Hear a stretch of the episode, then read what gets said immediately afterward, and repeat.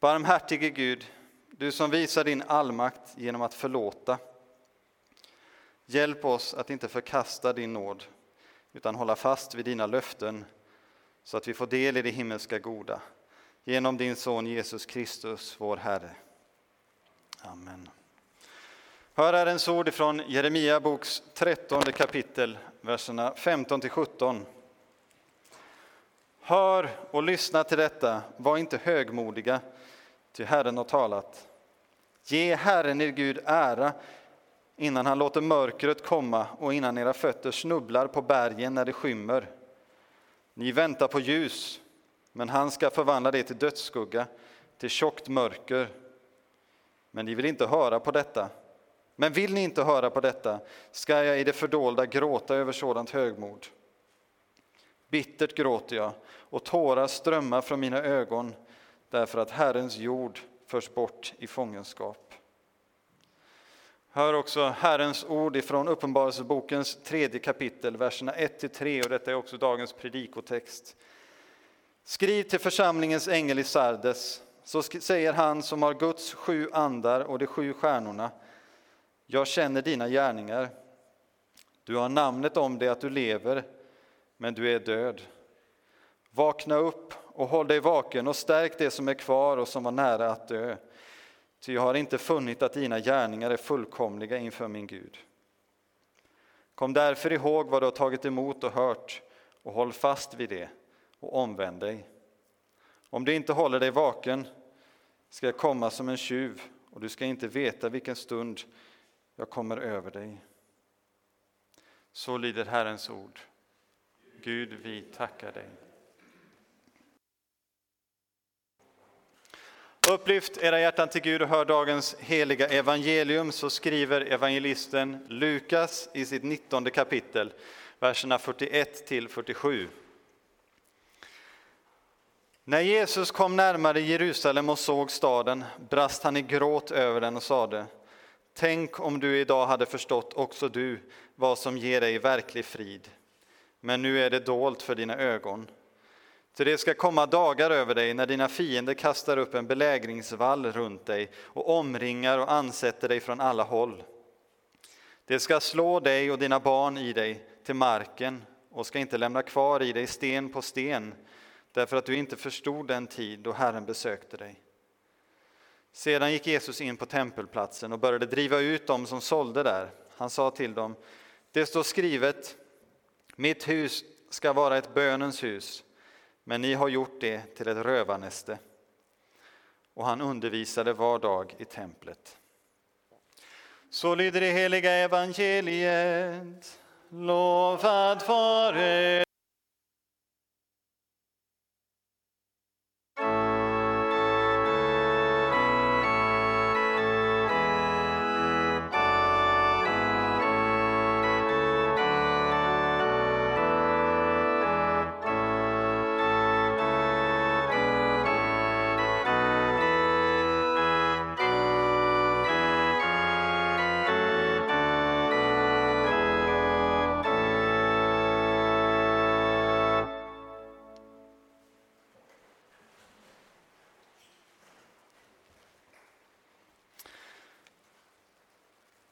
Vi ska i denna predikan vandra igenom Jesu brev till församlingen i Sardes. Det är en av de församlingar som får allra hårdast kritik av de här sju breven. Och det finns mycket att fundera över och ta till sig i vad Jesus säger när man funderar över kristenhetens tillstånd i västvärlden. Jag kommer låta texten helt ge strukturen för predikan och även läsa lite avsnitt från avsnitt genom texten, men jag har ändå låtit predikan få eh, följande rubriker. Först sken och verklighet. Sken och verklighet. Det andra vaksamhet och verksamhet. Den tredje det nya är det gamla. Och för det fjärde namnet Jesus och namnen i Livets bok. Så först, sken och verklighet. Sken och verklighet. Så säger han som har Guds sju andar och de sju stjärnorna. Jag känner dina gärningar. Du har namn om dig att du lever, men du är död. På 600-talet före Kristus och 500-talet var Sardes en av de mäktigaste städerna i antiken. Där finner vi Krösus, inte Krösus Sork, utan kung Krösus, som sägs ha ägt stora mängder guld och sägs vara den första att producera standardiserade guld och silvermynt. Där fanns en flod i närheten där det fanns där liksom guldstoff i som gjorde staden och området väldigt rikt. Och det var också kung Krösus som betalade för Artemis-templet i Efesus som var ett av antikens sju underverk. Och trots att han levde för över 2500 år sedan är hans namn känt också idag. Rik som en Krösus och till och med känt bland sjuåringar även om det är i form av en, en gul girig sork. Men han slarvade bort vad han hade. Hundra år innan hans styre så hade staden erövrats av eh, kimerierna. Och under hans styre så erövrades staden av Kyros den andre, samma Kyros som vi möter i Jesaja. Eh, också, man läser en annan översättning står det kung Koresh. Eh, och enligt en berättelse eh, så erövrades den dels av att Krösus hade stridit mot Kyros först, lidit nederlag, men det var inte så våldsamt nederlag och sen tänkte Krösus han drar sig tillbaka och väntar till våren. Så han hade allierade som var beredda, men de sände han iväg. Nej, vi väntar till våren kommer för man strider inte under vintern i det här området. Men Kyros struntade i det, utan han attackerade staden mitt i vintern och Krösus blev överraskad och staden föll. Men det hade också att göra med det att det var en vakt som var lite slarvig. Det här var uppe på en klippa, den nedre byn den hade inga murar, så den försvann direkt, eller blev erövrad direkt. Men staden där uppe där de rika och privilegierade bodde, där fanns det en mur och det var uppe på ett berg så det var svårt att ta sig dit. Men det berättas att Kyros armé, där var det en soldat som såg en annan soldat där uppe, tappade sin hjälm och gick ner längs med en stig där med berget eh, som inte var så synlig och hämtade sin hjälm och sen gick tillbaka upp. Och då tog de en, en anfallstrupp och gick upp samma väg och de blev överraskade. Staden erövrades igen på 400-talet av atenarna som också brände ner den. Och sen i slutet på 200-talet erövrades den ännu en gång av Antiochus den tredje. Återigen på grund av vakters oaktsamhet. Erövring efter erövring, nederlag efter nederlag.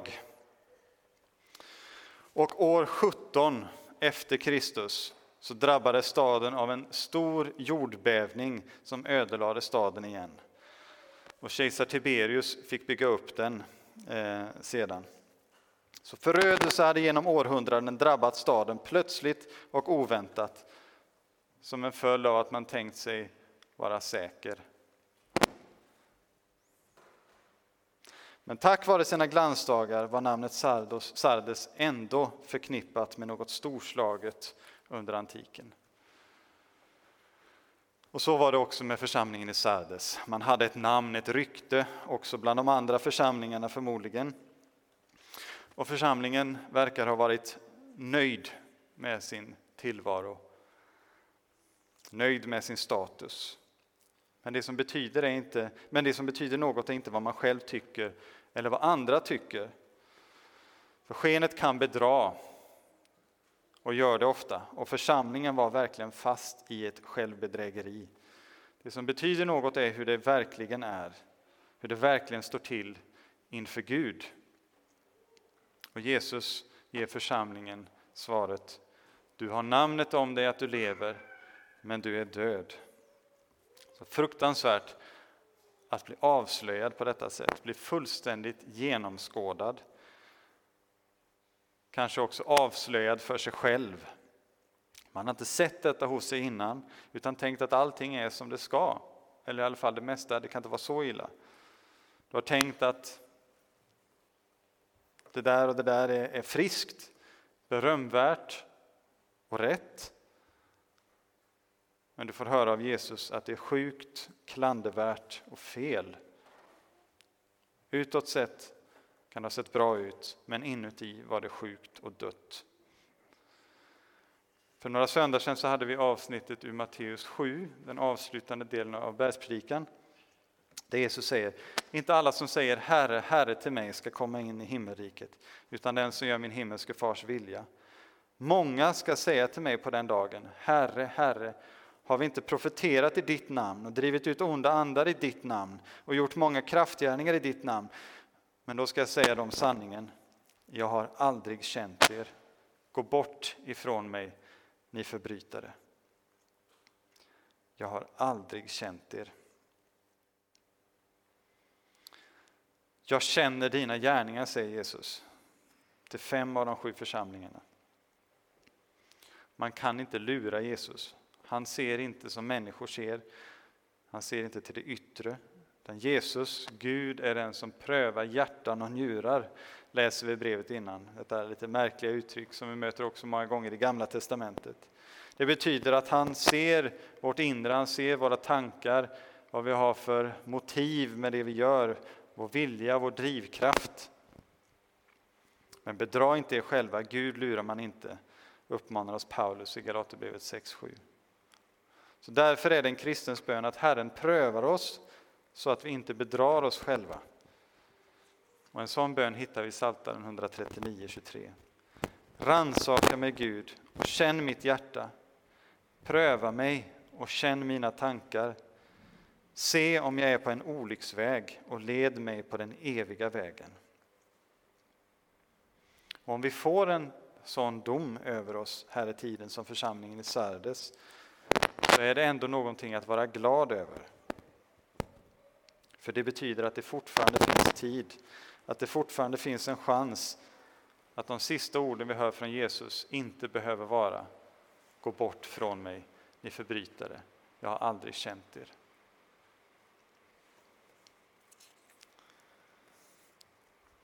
Andra delen, vaksamhet och verksamhet. Vaksamhet och verksamhet.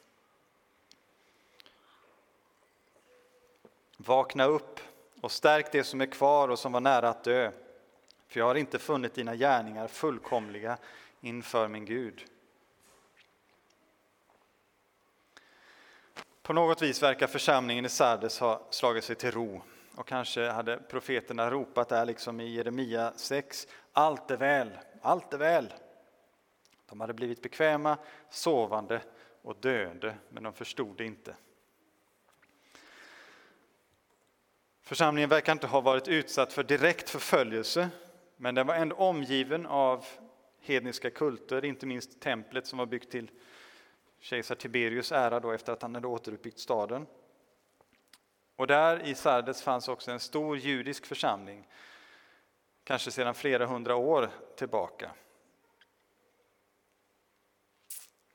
Eh, och församlingen verkar då ha slagit sig till ro med att inte väcka anstöt, inte störa friden genom att hålla på och envisas med att prata om Jesus. Så hade inte de kristna i Smyrna gjort. De störde friden och fick utstå mycket hån och även förföljelse. Men de kallas rika av Jesus, trots deras lidande och fattigdom. När vi tittar på kyrkohistorien så vittnar den om att kyrkan ofta varit som mest livskraftig och växande när hon haft det svårt, när hon varit förföljd och motarbetad. Det verkar ha skapat en, en, större glädje över det man har, en större förtröstan på Gud, för man har inte så mycket att, att välja på, och mindre förtröstan på människor och människors kraft. Och också märkligt nog har det också verkat producera en större kärlek till människor, också deras förföljare. Och också en större längtan efter att Jesus ska komma tillbaka och en större längtan efter det himmelska hoppet. En större vaksamhet. Men kyrkohistorien vittnar också om att när kyrkan har det ganska lugnt och stilla så stannar tillväxten av. Korruptionen ökar, toleransen för synden ökar, kärleken svalnar. Fokus ökar på att ha det bra här och nu och fokus minskar på den kommande förlossningen, räddningen, när Jesus kommer tillbaka. En minskad vaksamhet. Och vilket tillstånd befinner sig kyrkan i Sverige i, i västvärlden? Sardes hade sällan som sagt fallit genom en direktattack utan genom överraskningsattacker. Man var invaggad i en falsk trygghet och var inte beredd när attacken kom. Och eftersom staden, eller så som staden många gånger hade varit ovaksam inför hot utifrån och överraskats av fienden så var nu församlingen ovaksam. Men något fanns kvar. Allt hopp var inte ute. Jesus varnade dem innan han skulle behöva säga till dem på den yttersta dagen, gå bort ifrån mig, ni förbryter, jag har aldrig känt er. Och detta eh, är vad söndagens rubrik syftar på. Förspillda tillfällen, bortkastade tillfällen. Vad är det? Jo, det är när man inte har tagit vara på Jesu varning till omvändelse, utan likt en, en sjusovare tryckt på snusknappen och lugnt vänt sig i sängen igen och, och somnat om, knappt medveten om att klockan har ringt. Några igenkännande leenden.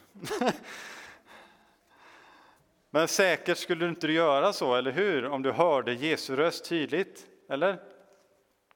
Men hur förväntar du dig då att du ska höra Jesu röst? Är det en röst som talar från himlen? Eller är det en tydlig röst i ditt inre? Är det det du ska förvänta dig? Det är nog många som har fått höra något sådant, inte minst i kyrkan i, som är under förföljelse eller platser där, där kristenheten inte är så utbredd. Men det sätt Jesus framförallt talar idag till oss är i sitt ord, med Bibeln, och genom sin kropp. Andra kristna Präster har fått ett särskilt uppdrag att göra detta, men alla kristna har fått mandatet och uppmaningen till att undervisa och förmana varandra. Kolosserbrevet 3.16. Och att ge akt på varandra och sporra varandra till kärlek och goda gärningar. Hebreerbrevet 10.24. Och här måste vi också säga någonting om hur detta ska göras. då. Paulus skriver i Galaterbrevet 6.1. Bröder, om någon skulle ertappas med en överträdelse, då ska ni som är andliga människor med mild ande upprätta honom. Men se till att inte du också blir frestad. Bär varandras bördor, så uppfyller ni Kristi lag. Och i Fesebrevet 4.15. Eh, Vi ska hålla fast vid sanningen i kärlek. Så detta är alltså sagt till dig som känner dig manad att gå till rätta med en kristen broder eller syster.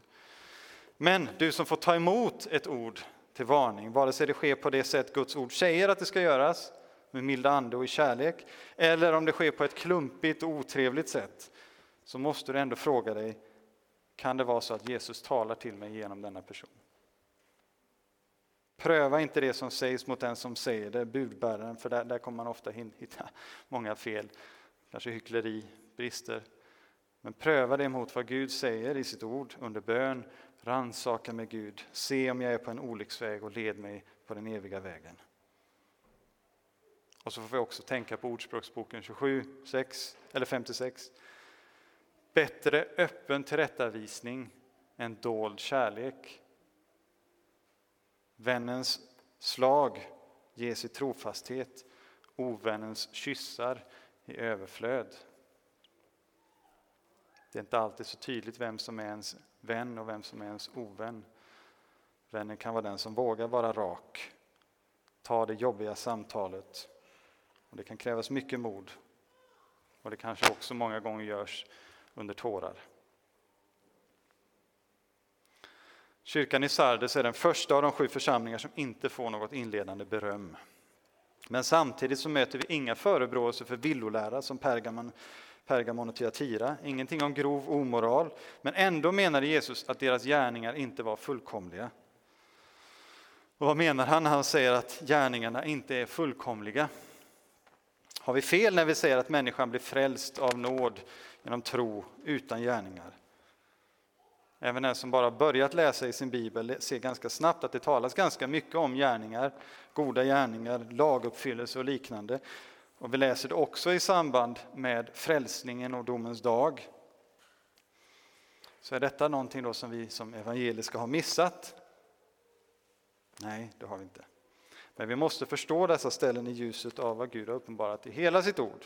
Vi kan inte ta dessa ställen och sen ställa det emot vad Gud säger på andra ställen. Samma Paulus som i Romarbrevet 4.5 skriver, den som utan gärningar tror på honom som förklarar den ogudaktige rättfärdig, han får sin tro, tillräknad som rättfärdighet. Han säger också i Galaterbrevet 5.6, i Kristus Jesus beror det inte på om vi är omskurna eller oomskurna, utan om vi har en tro verksam i kärlek. Och Det är det här som Jakob, som ofta ställs emot Paulus, också menar när han säger så är också tron i sig själv död när den är utan gärningar. Det är egentligen inte så värst komplicerat. Rättfärdiggörelsen, frälsningen, förlåtelsen, det är Guds verk, bara Guds verk. Men han slutar inte verka i oss vid omvändelsen, utan han fortsätter verka i oss både vilja och gärning för att hans goda vilja ska ske. Filipperbrevet 2.13. Om detta inte sker så betyder det att någonting är fel. Då är det symptom på någonting längre bak som är fel. Vi har stängt av kranen och förhindrat det fortsatta flödet från Gud. Eller för att använda bilden som Jesus ger i Johannes 15. Vi kanske har varit grenar i trädet Jesus, men vi har inte förblivit i honom. Och utan mig kan ingenting göra. Grenen torkar och vissnar och bär ingen god frukt. För den livgivande saven når oss inte. Församlingen i Sardes gärningar var tomma, producerade av vissnande grenar.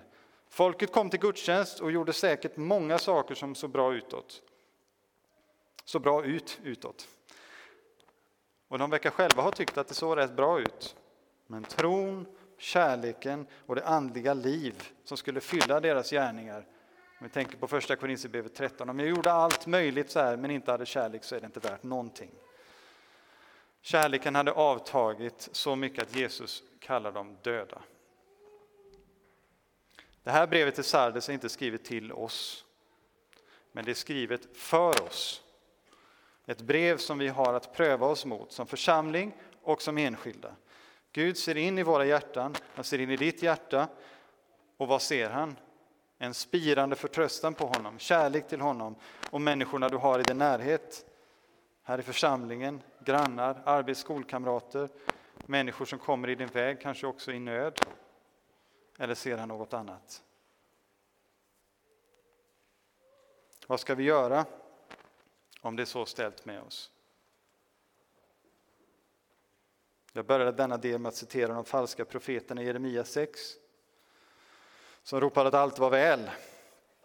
Läser vi några verser till där i Jeremia så får vi höra Herrens svar på eländet.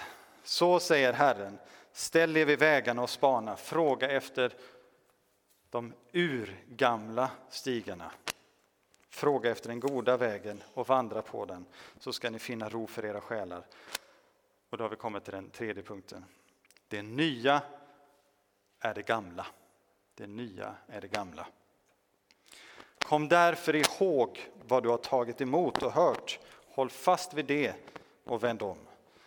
Om du inte håller dig vaken ska jag komma som en tjuv och du ska inte veta vilken stund jag kommer. Jesus kommer inte med något nytt.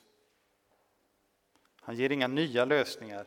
Istället så går han tillbaka till det enda avgörande. Och här får vi en bekräftelse på det som vi evangeliska hävdar envist gentemot Rom och Konstantinopel, påvar och patriarker. Jesus pekar på evangeliet om syndernas förlåtelse i hans blod, om rättfärdiggörelsen genom tron på honom och hans fullkomliga gärningar. Hans fullkomliga gärningar. Han säger inte kom nu igång och gör fler gärningar, evangelisera mer eller gör så här och så här. Det är verkligen något han önskar se. Men det kan inte komma genom några nya löften, några nya ansträngningar hos de kristna i Sardes. Det kan bara komma genom samma förkunnelse som de fick höra när de först kom till tro. Några ställen som också talar om detta är Hebreerbrevet 3.14. Vi är Kristi vänner om vi stadigt håller fast vid, vad då? Vår första tillförsikt ända till slutet. Det heter idag, om ni hör hans röst, förhärda inte era hjärtan som vid upproret. Vår första tillförsikt, alltså inte något nytt, något okänt, en ny metod eller strategi för tillväxt i Herren. Fem punkter för tillväxt och seger eller någonting liknande. Utan det är evangeliet som Jesus pekar tillbaka till. Kolosserbrevet 2.6, där läser vi liksom eller på samma sätt som ni tog emot Kristus, så lev i honom, rotade och uppbyggda i honom och grundade i tron i enlighet med den undervisning ni fått dåtid. För det fortsatta livet i Kristus gäller samma sak som när vi en gång kom till tro. Det ska vi leva i och leva av i varje dag, varje stund. Omvändelsen är inte någon engångshändelse utan Luther utlägger detta på ett bra sätt i dop, när han utlägger dopet i Lilla katekesen. Vad betyder detta dop i vatten? Det betyder att den gamle Adam i oss med alla synder och onda begär ska dränkas och dö genom daglig ånger och omvändelse och att sedan en ny människa dagligen ska komma fram och uppstå som lever i rättfärdighet och renhet inför Gud för evigt. Och här kan vi utöver behovet av daglig omvändelse, att dagligen dö och uppstå med Kristus, också lägga märke till orden inför Gud. Den yttre omvändelsen är nödvändig, men om det endast är en yttre omvändelse, att man till det yttre slutar att göra och säga vissa saker, avhåller sig från många yttre synder, så är det inte till, någonting, det är inte till någon nytta inför evigheten. Det kan för all del göra livet här på jorden lättare och bättre på olika sätt, för en själv och andra. Men du kan ändå då få höra de hemska orden som en människa, de hemskaste orden som en människa någonsin kan höra. Gå bort från mig. Om vi inte lever i den dagliga omvändelsen blir inte Jesu återkomst någonting som vi har att se fram emot, utan någonting som vi har att vara rädda för. Jesus varnar att han då kommer som en tjuv om natten. Men borde det inte vara djävulens angrepp som vi ska vara rädda för eller vaksamma inför? Är det inte hans attacker som vi ska vara rädda för? Jo, men om vi är i ett sådant tillstånd som församlingen i Sardes så har han redan lyckats med sitt angrepp. Då är han redan där inne och gjort församlingen sovande. Därför är det inte så mycket Jesu återkomst i sig som är hotet, utan vad hans återkomst avslöjar av vad som redan har hänt, vad som redan är ett faktum. Han vill inte komma som en tjuv om natten och hitta oss sovande. Vi läser i Hesekiel 33. Människobarn, tala till dina landsmän och säg till dem, anta att jag låter svärdet drabba ett land och folket i landet utser en man bland sig och gör honom till sin väktare. Om han ser svärdet komma över landet och blåser i hornet och varnar folket, men den som hör hornstöten ändå inte låter sig varnas, utan svärdet kommer att ta bort honom, då kommer hans blod över hans eget huvud. Han hörde hornstöten, men lät sig inte varnas. Därför kommer hans blod över honom själv. Om han hade låtit sig varnas skulle han ha räddat sitt liv. Men om väktaren ser svärdet komma och inte blåser i hornet och folket inte blir varnat och svärdet kommer att ta ett liv bland dem, då dör han genom sin egen missgärning. Men hans blod ska jag utkräva av väktarens hand. Det här är ett allvarligt ord till oss församlingsledare. Om vi inte varnar drabbar domen oss. Och så fortsätter Herren att tala om den falska tryggheten som vi som evangeliska, vi som hävdar rättfärdiggörelse av nåd genom tro, och det är med rätta. Det här är ändå vad vi kan riskera att drabbas av. Människobarn, säg till Israels hus, ni säger våra brott och synder tynger oss och vi förgås genom dem. Hur kan vi då leva? Svarar de, så sant jag lever, säger Herren Gud, jag gläder mig inte åt den ogudaktiges död. Det här återkommer många gånger där i Hesekiel. Jag gläder mig inte åt den ogudaktiges död. Istället vill jag att den ogudaktige vänder om från sin väg och får leva. Vänd om, vänd om från era onda vägar. Ni vill väl inte dö, ni av Israels hus? Men du människobarn, se till dina landsmän, den rättfärdiges rättfärdighet ska inte rädda honom när han syndar. Den ogudaktige ska inte komma på fall genom sin ogudaktighet när han vänder om från sin ogudaktighet. Den rättfärdige ska heller inte kunna leva genom sin rättfärdighet när han syndar. Om jag säger till den rättfärdige att han ska få leva och han sedan förlitar sig på sin rättfärdighet och gör det som är orätt, så ska ingen av alla hans rättfärdiga gärningar bli ihågkommen. Utan han ska dö för det orätta han har gjort. Och om jag säger till den ogudaktige, du måste dö, och han sedan omvänder sig från sin synd och gör det som är rätt och rättfärdigt, så att den ogudaktige ger tillbaka den pant han har fått, ersätter vad han har stulit och vandrar efter livets stadgar, så att han inte gör det som är orätt, då ska han sannerligen få leva och inte dö. Man ska inte komma ihåg några av de synder han har begått, eftersom han har gjort vad som är rätt och rättfärdigt, ska han sannerligen få leva. Bonhoeffer talar om billig nåd, syndernas förlåtelse utan omvändelse, som blir syndernas tillåtelse.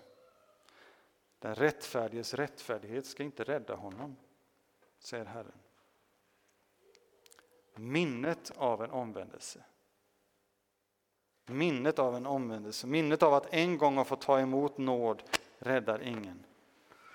I den bön som Jesus gett oss att be, att be varje dag, där får vi lära oss och förlåt oss våra skulder så som och vi förlåta dem oss skyldiga äro. Vad är det?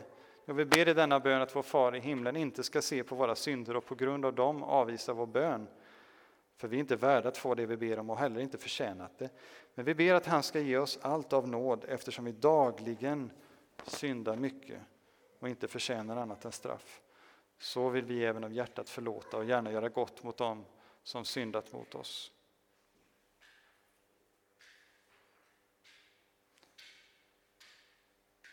Den rättfärdighet vi får ta emot förblir Jesu rättfärdighet.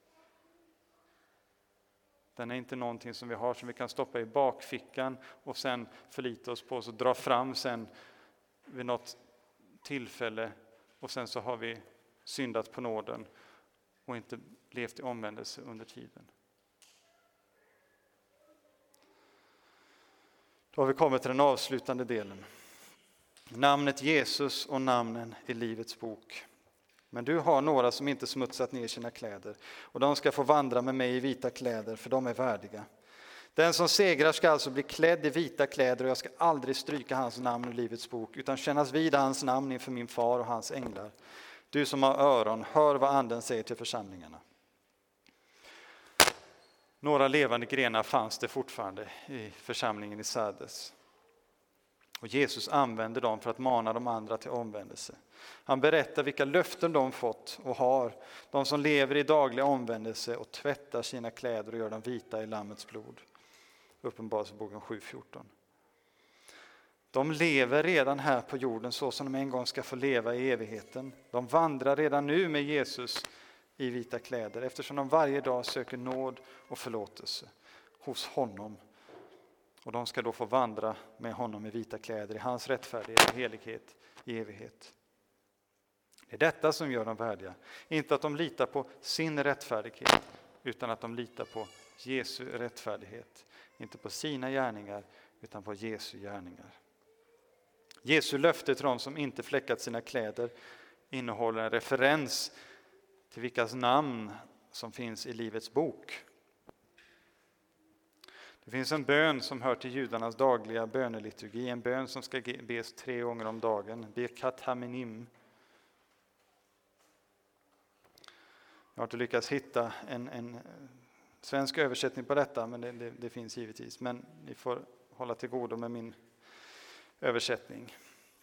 Må Nazarena och Minim hastigt förgöras och må deras namn, må, må de strykas från Livets bok och inte stå skrivna bland de rättfärdiga. Må Nazarena och Minim hastigt förgöras och må de strykas från Livets bok och inte stå skrivna bland de rättfärdiga. Det är inte helt klart vad nazarener syftar på ursprungligen, men i alla fall från medeltiden och framåt så är det definitivt så att det syftade på kristna. Men i ett tidigt skede var det förmodligen också så. Den fick någon form där i, under första århundradet och sen så ändrades den lite grann under tiden. Och flera tidiga kyrkofäder vittnar om att judarna förbannade kristna vid sina gudstjänster. Men en sån polemik var de absolut inte ensamma om, utan det var vanligt vid den här tiden att man gjorde så gentemot varandra för att avgränsa. Men någon form av denna bön fanns i alla fall i synagogorna mot slutet av det första århundradet. Vi vet att de tidiga kristna på många platser firade gudstjänst i synagogan och sen firade nattvard i hemmen. Men vi vet också att det snabbt blev en, en splittring där rabbinsk judendom, vilket vi får säga byggs på, byggs på farisismen, det blev den judendom som levde vidare, medan Jesus troende blev vad vi idag kallar kristna. Judendomen som vi känner idag är bara en riktning av de som fanns vid Jesu tid. I vissa synagogor så levde man vid sida vid sida länge och andra, i andra så gick splittringen snabbare. Men sådana böner som Birkat Haminim var ett sätt att, att exkludera kristna. Och när sådana böner blev en del av liturgin blev det omöjligt för kristna att, att delta i de gudstjänsterna. Och för församlingen i Sardes är det inte helt osannolikt att, att en sådan bön ligger bakom Jesu ord om Livets bok. Hon har strykats ur Livets bok och inte står skrivna bland de rättfärdiga. I två av breven så talar Jesus, breven till församlingen i mindre Asien, där talar han om Satans synagoga, sådana som kallar sig judar men inte är det. Och I mindre Asien, dagens Turkiet, var det alltså vid denna tid tydligt en spänning mellan judar och kristna, eller vad som senare kom att kallas judar och kristna.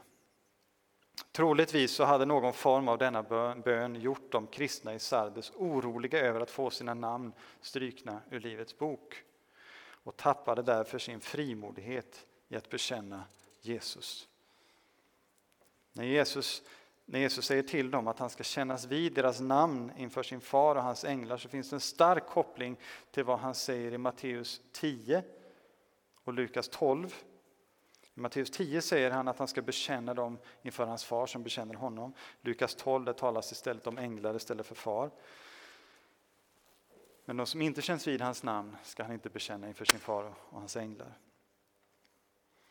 Men hos Lukas där, så alldeles efter detta, så står det att den helige Ande ska ge dem vad de ska säga när de ställs, inför, eh, ställs till svars inför bland annat synagogor. Församlingen i Sardes verkar alltså ha blivit rädda för att bekänna sig till Jesus. Det är så, det är på detta sätt de inte har förblivit i honom och därför blivit döende. De har inte hållit fast vid och tagit vara på vad de hört från början. Så fick de frid i världen med omgivningen, men gick miste om Jesu frid Och den frid som Jesus vill ge världen fick världen inte höra om. Så blev det förspillda tillfällen både för församlingen och för världen. Paulus ord i Efesierbrevet 5.14 och framåt får vi ta till oss som avslutning. Vakna du som sover, stå upp från de döda och Kristus ska lysa över dig. Tänk alltså noga på hur ni lever inte som ovisa människor utan som visa. Ta väl vara på varje tillfälle, för dagarna är onda. Var därför inte oförnuftiga utan förstå vad som är Herrens vilja. Berusa er inte med vin, det leder till vårdslöshet. Låt er istället uppfyllas av Anden och tala till varandra med salmer, hymner och andliga sånger. Sjung och spela för Herren i era hjärtan och tacka alltid vår Gud och Far för allt i vår Herre Jesu Kristi namn. Ära vare Fadern och Sonen och den helige Ande, så som det var av begynnelsen, nu är och ska vara, från evighet till evighet. Amen. Lovad vare Gud och välsignad i evighet, som med sitt ord tröstar, lär, förmanar och varnar oss. Heliga Ande, skriv ordet i våra hjärtan så att vi inte blir glömska hörare, utan varje dag växer till i tro, hopp, kärlek och tålamod in till tidens slut och blir saliga. Genom Jesus Kristus, vår Herre. Låt oss stå upp och bekänna vår kristna tro. Vi tror på Gud Fader allsmäktig, himmelens och jordens skapare.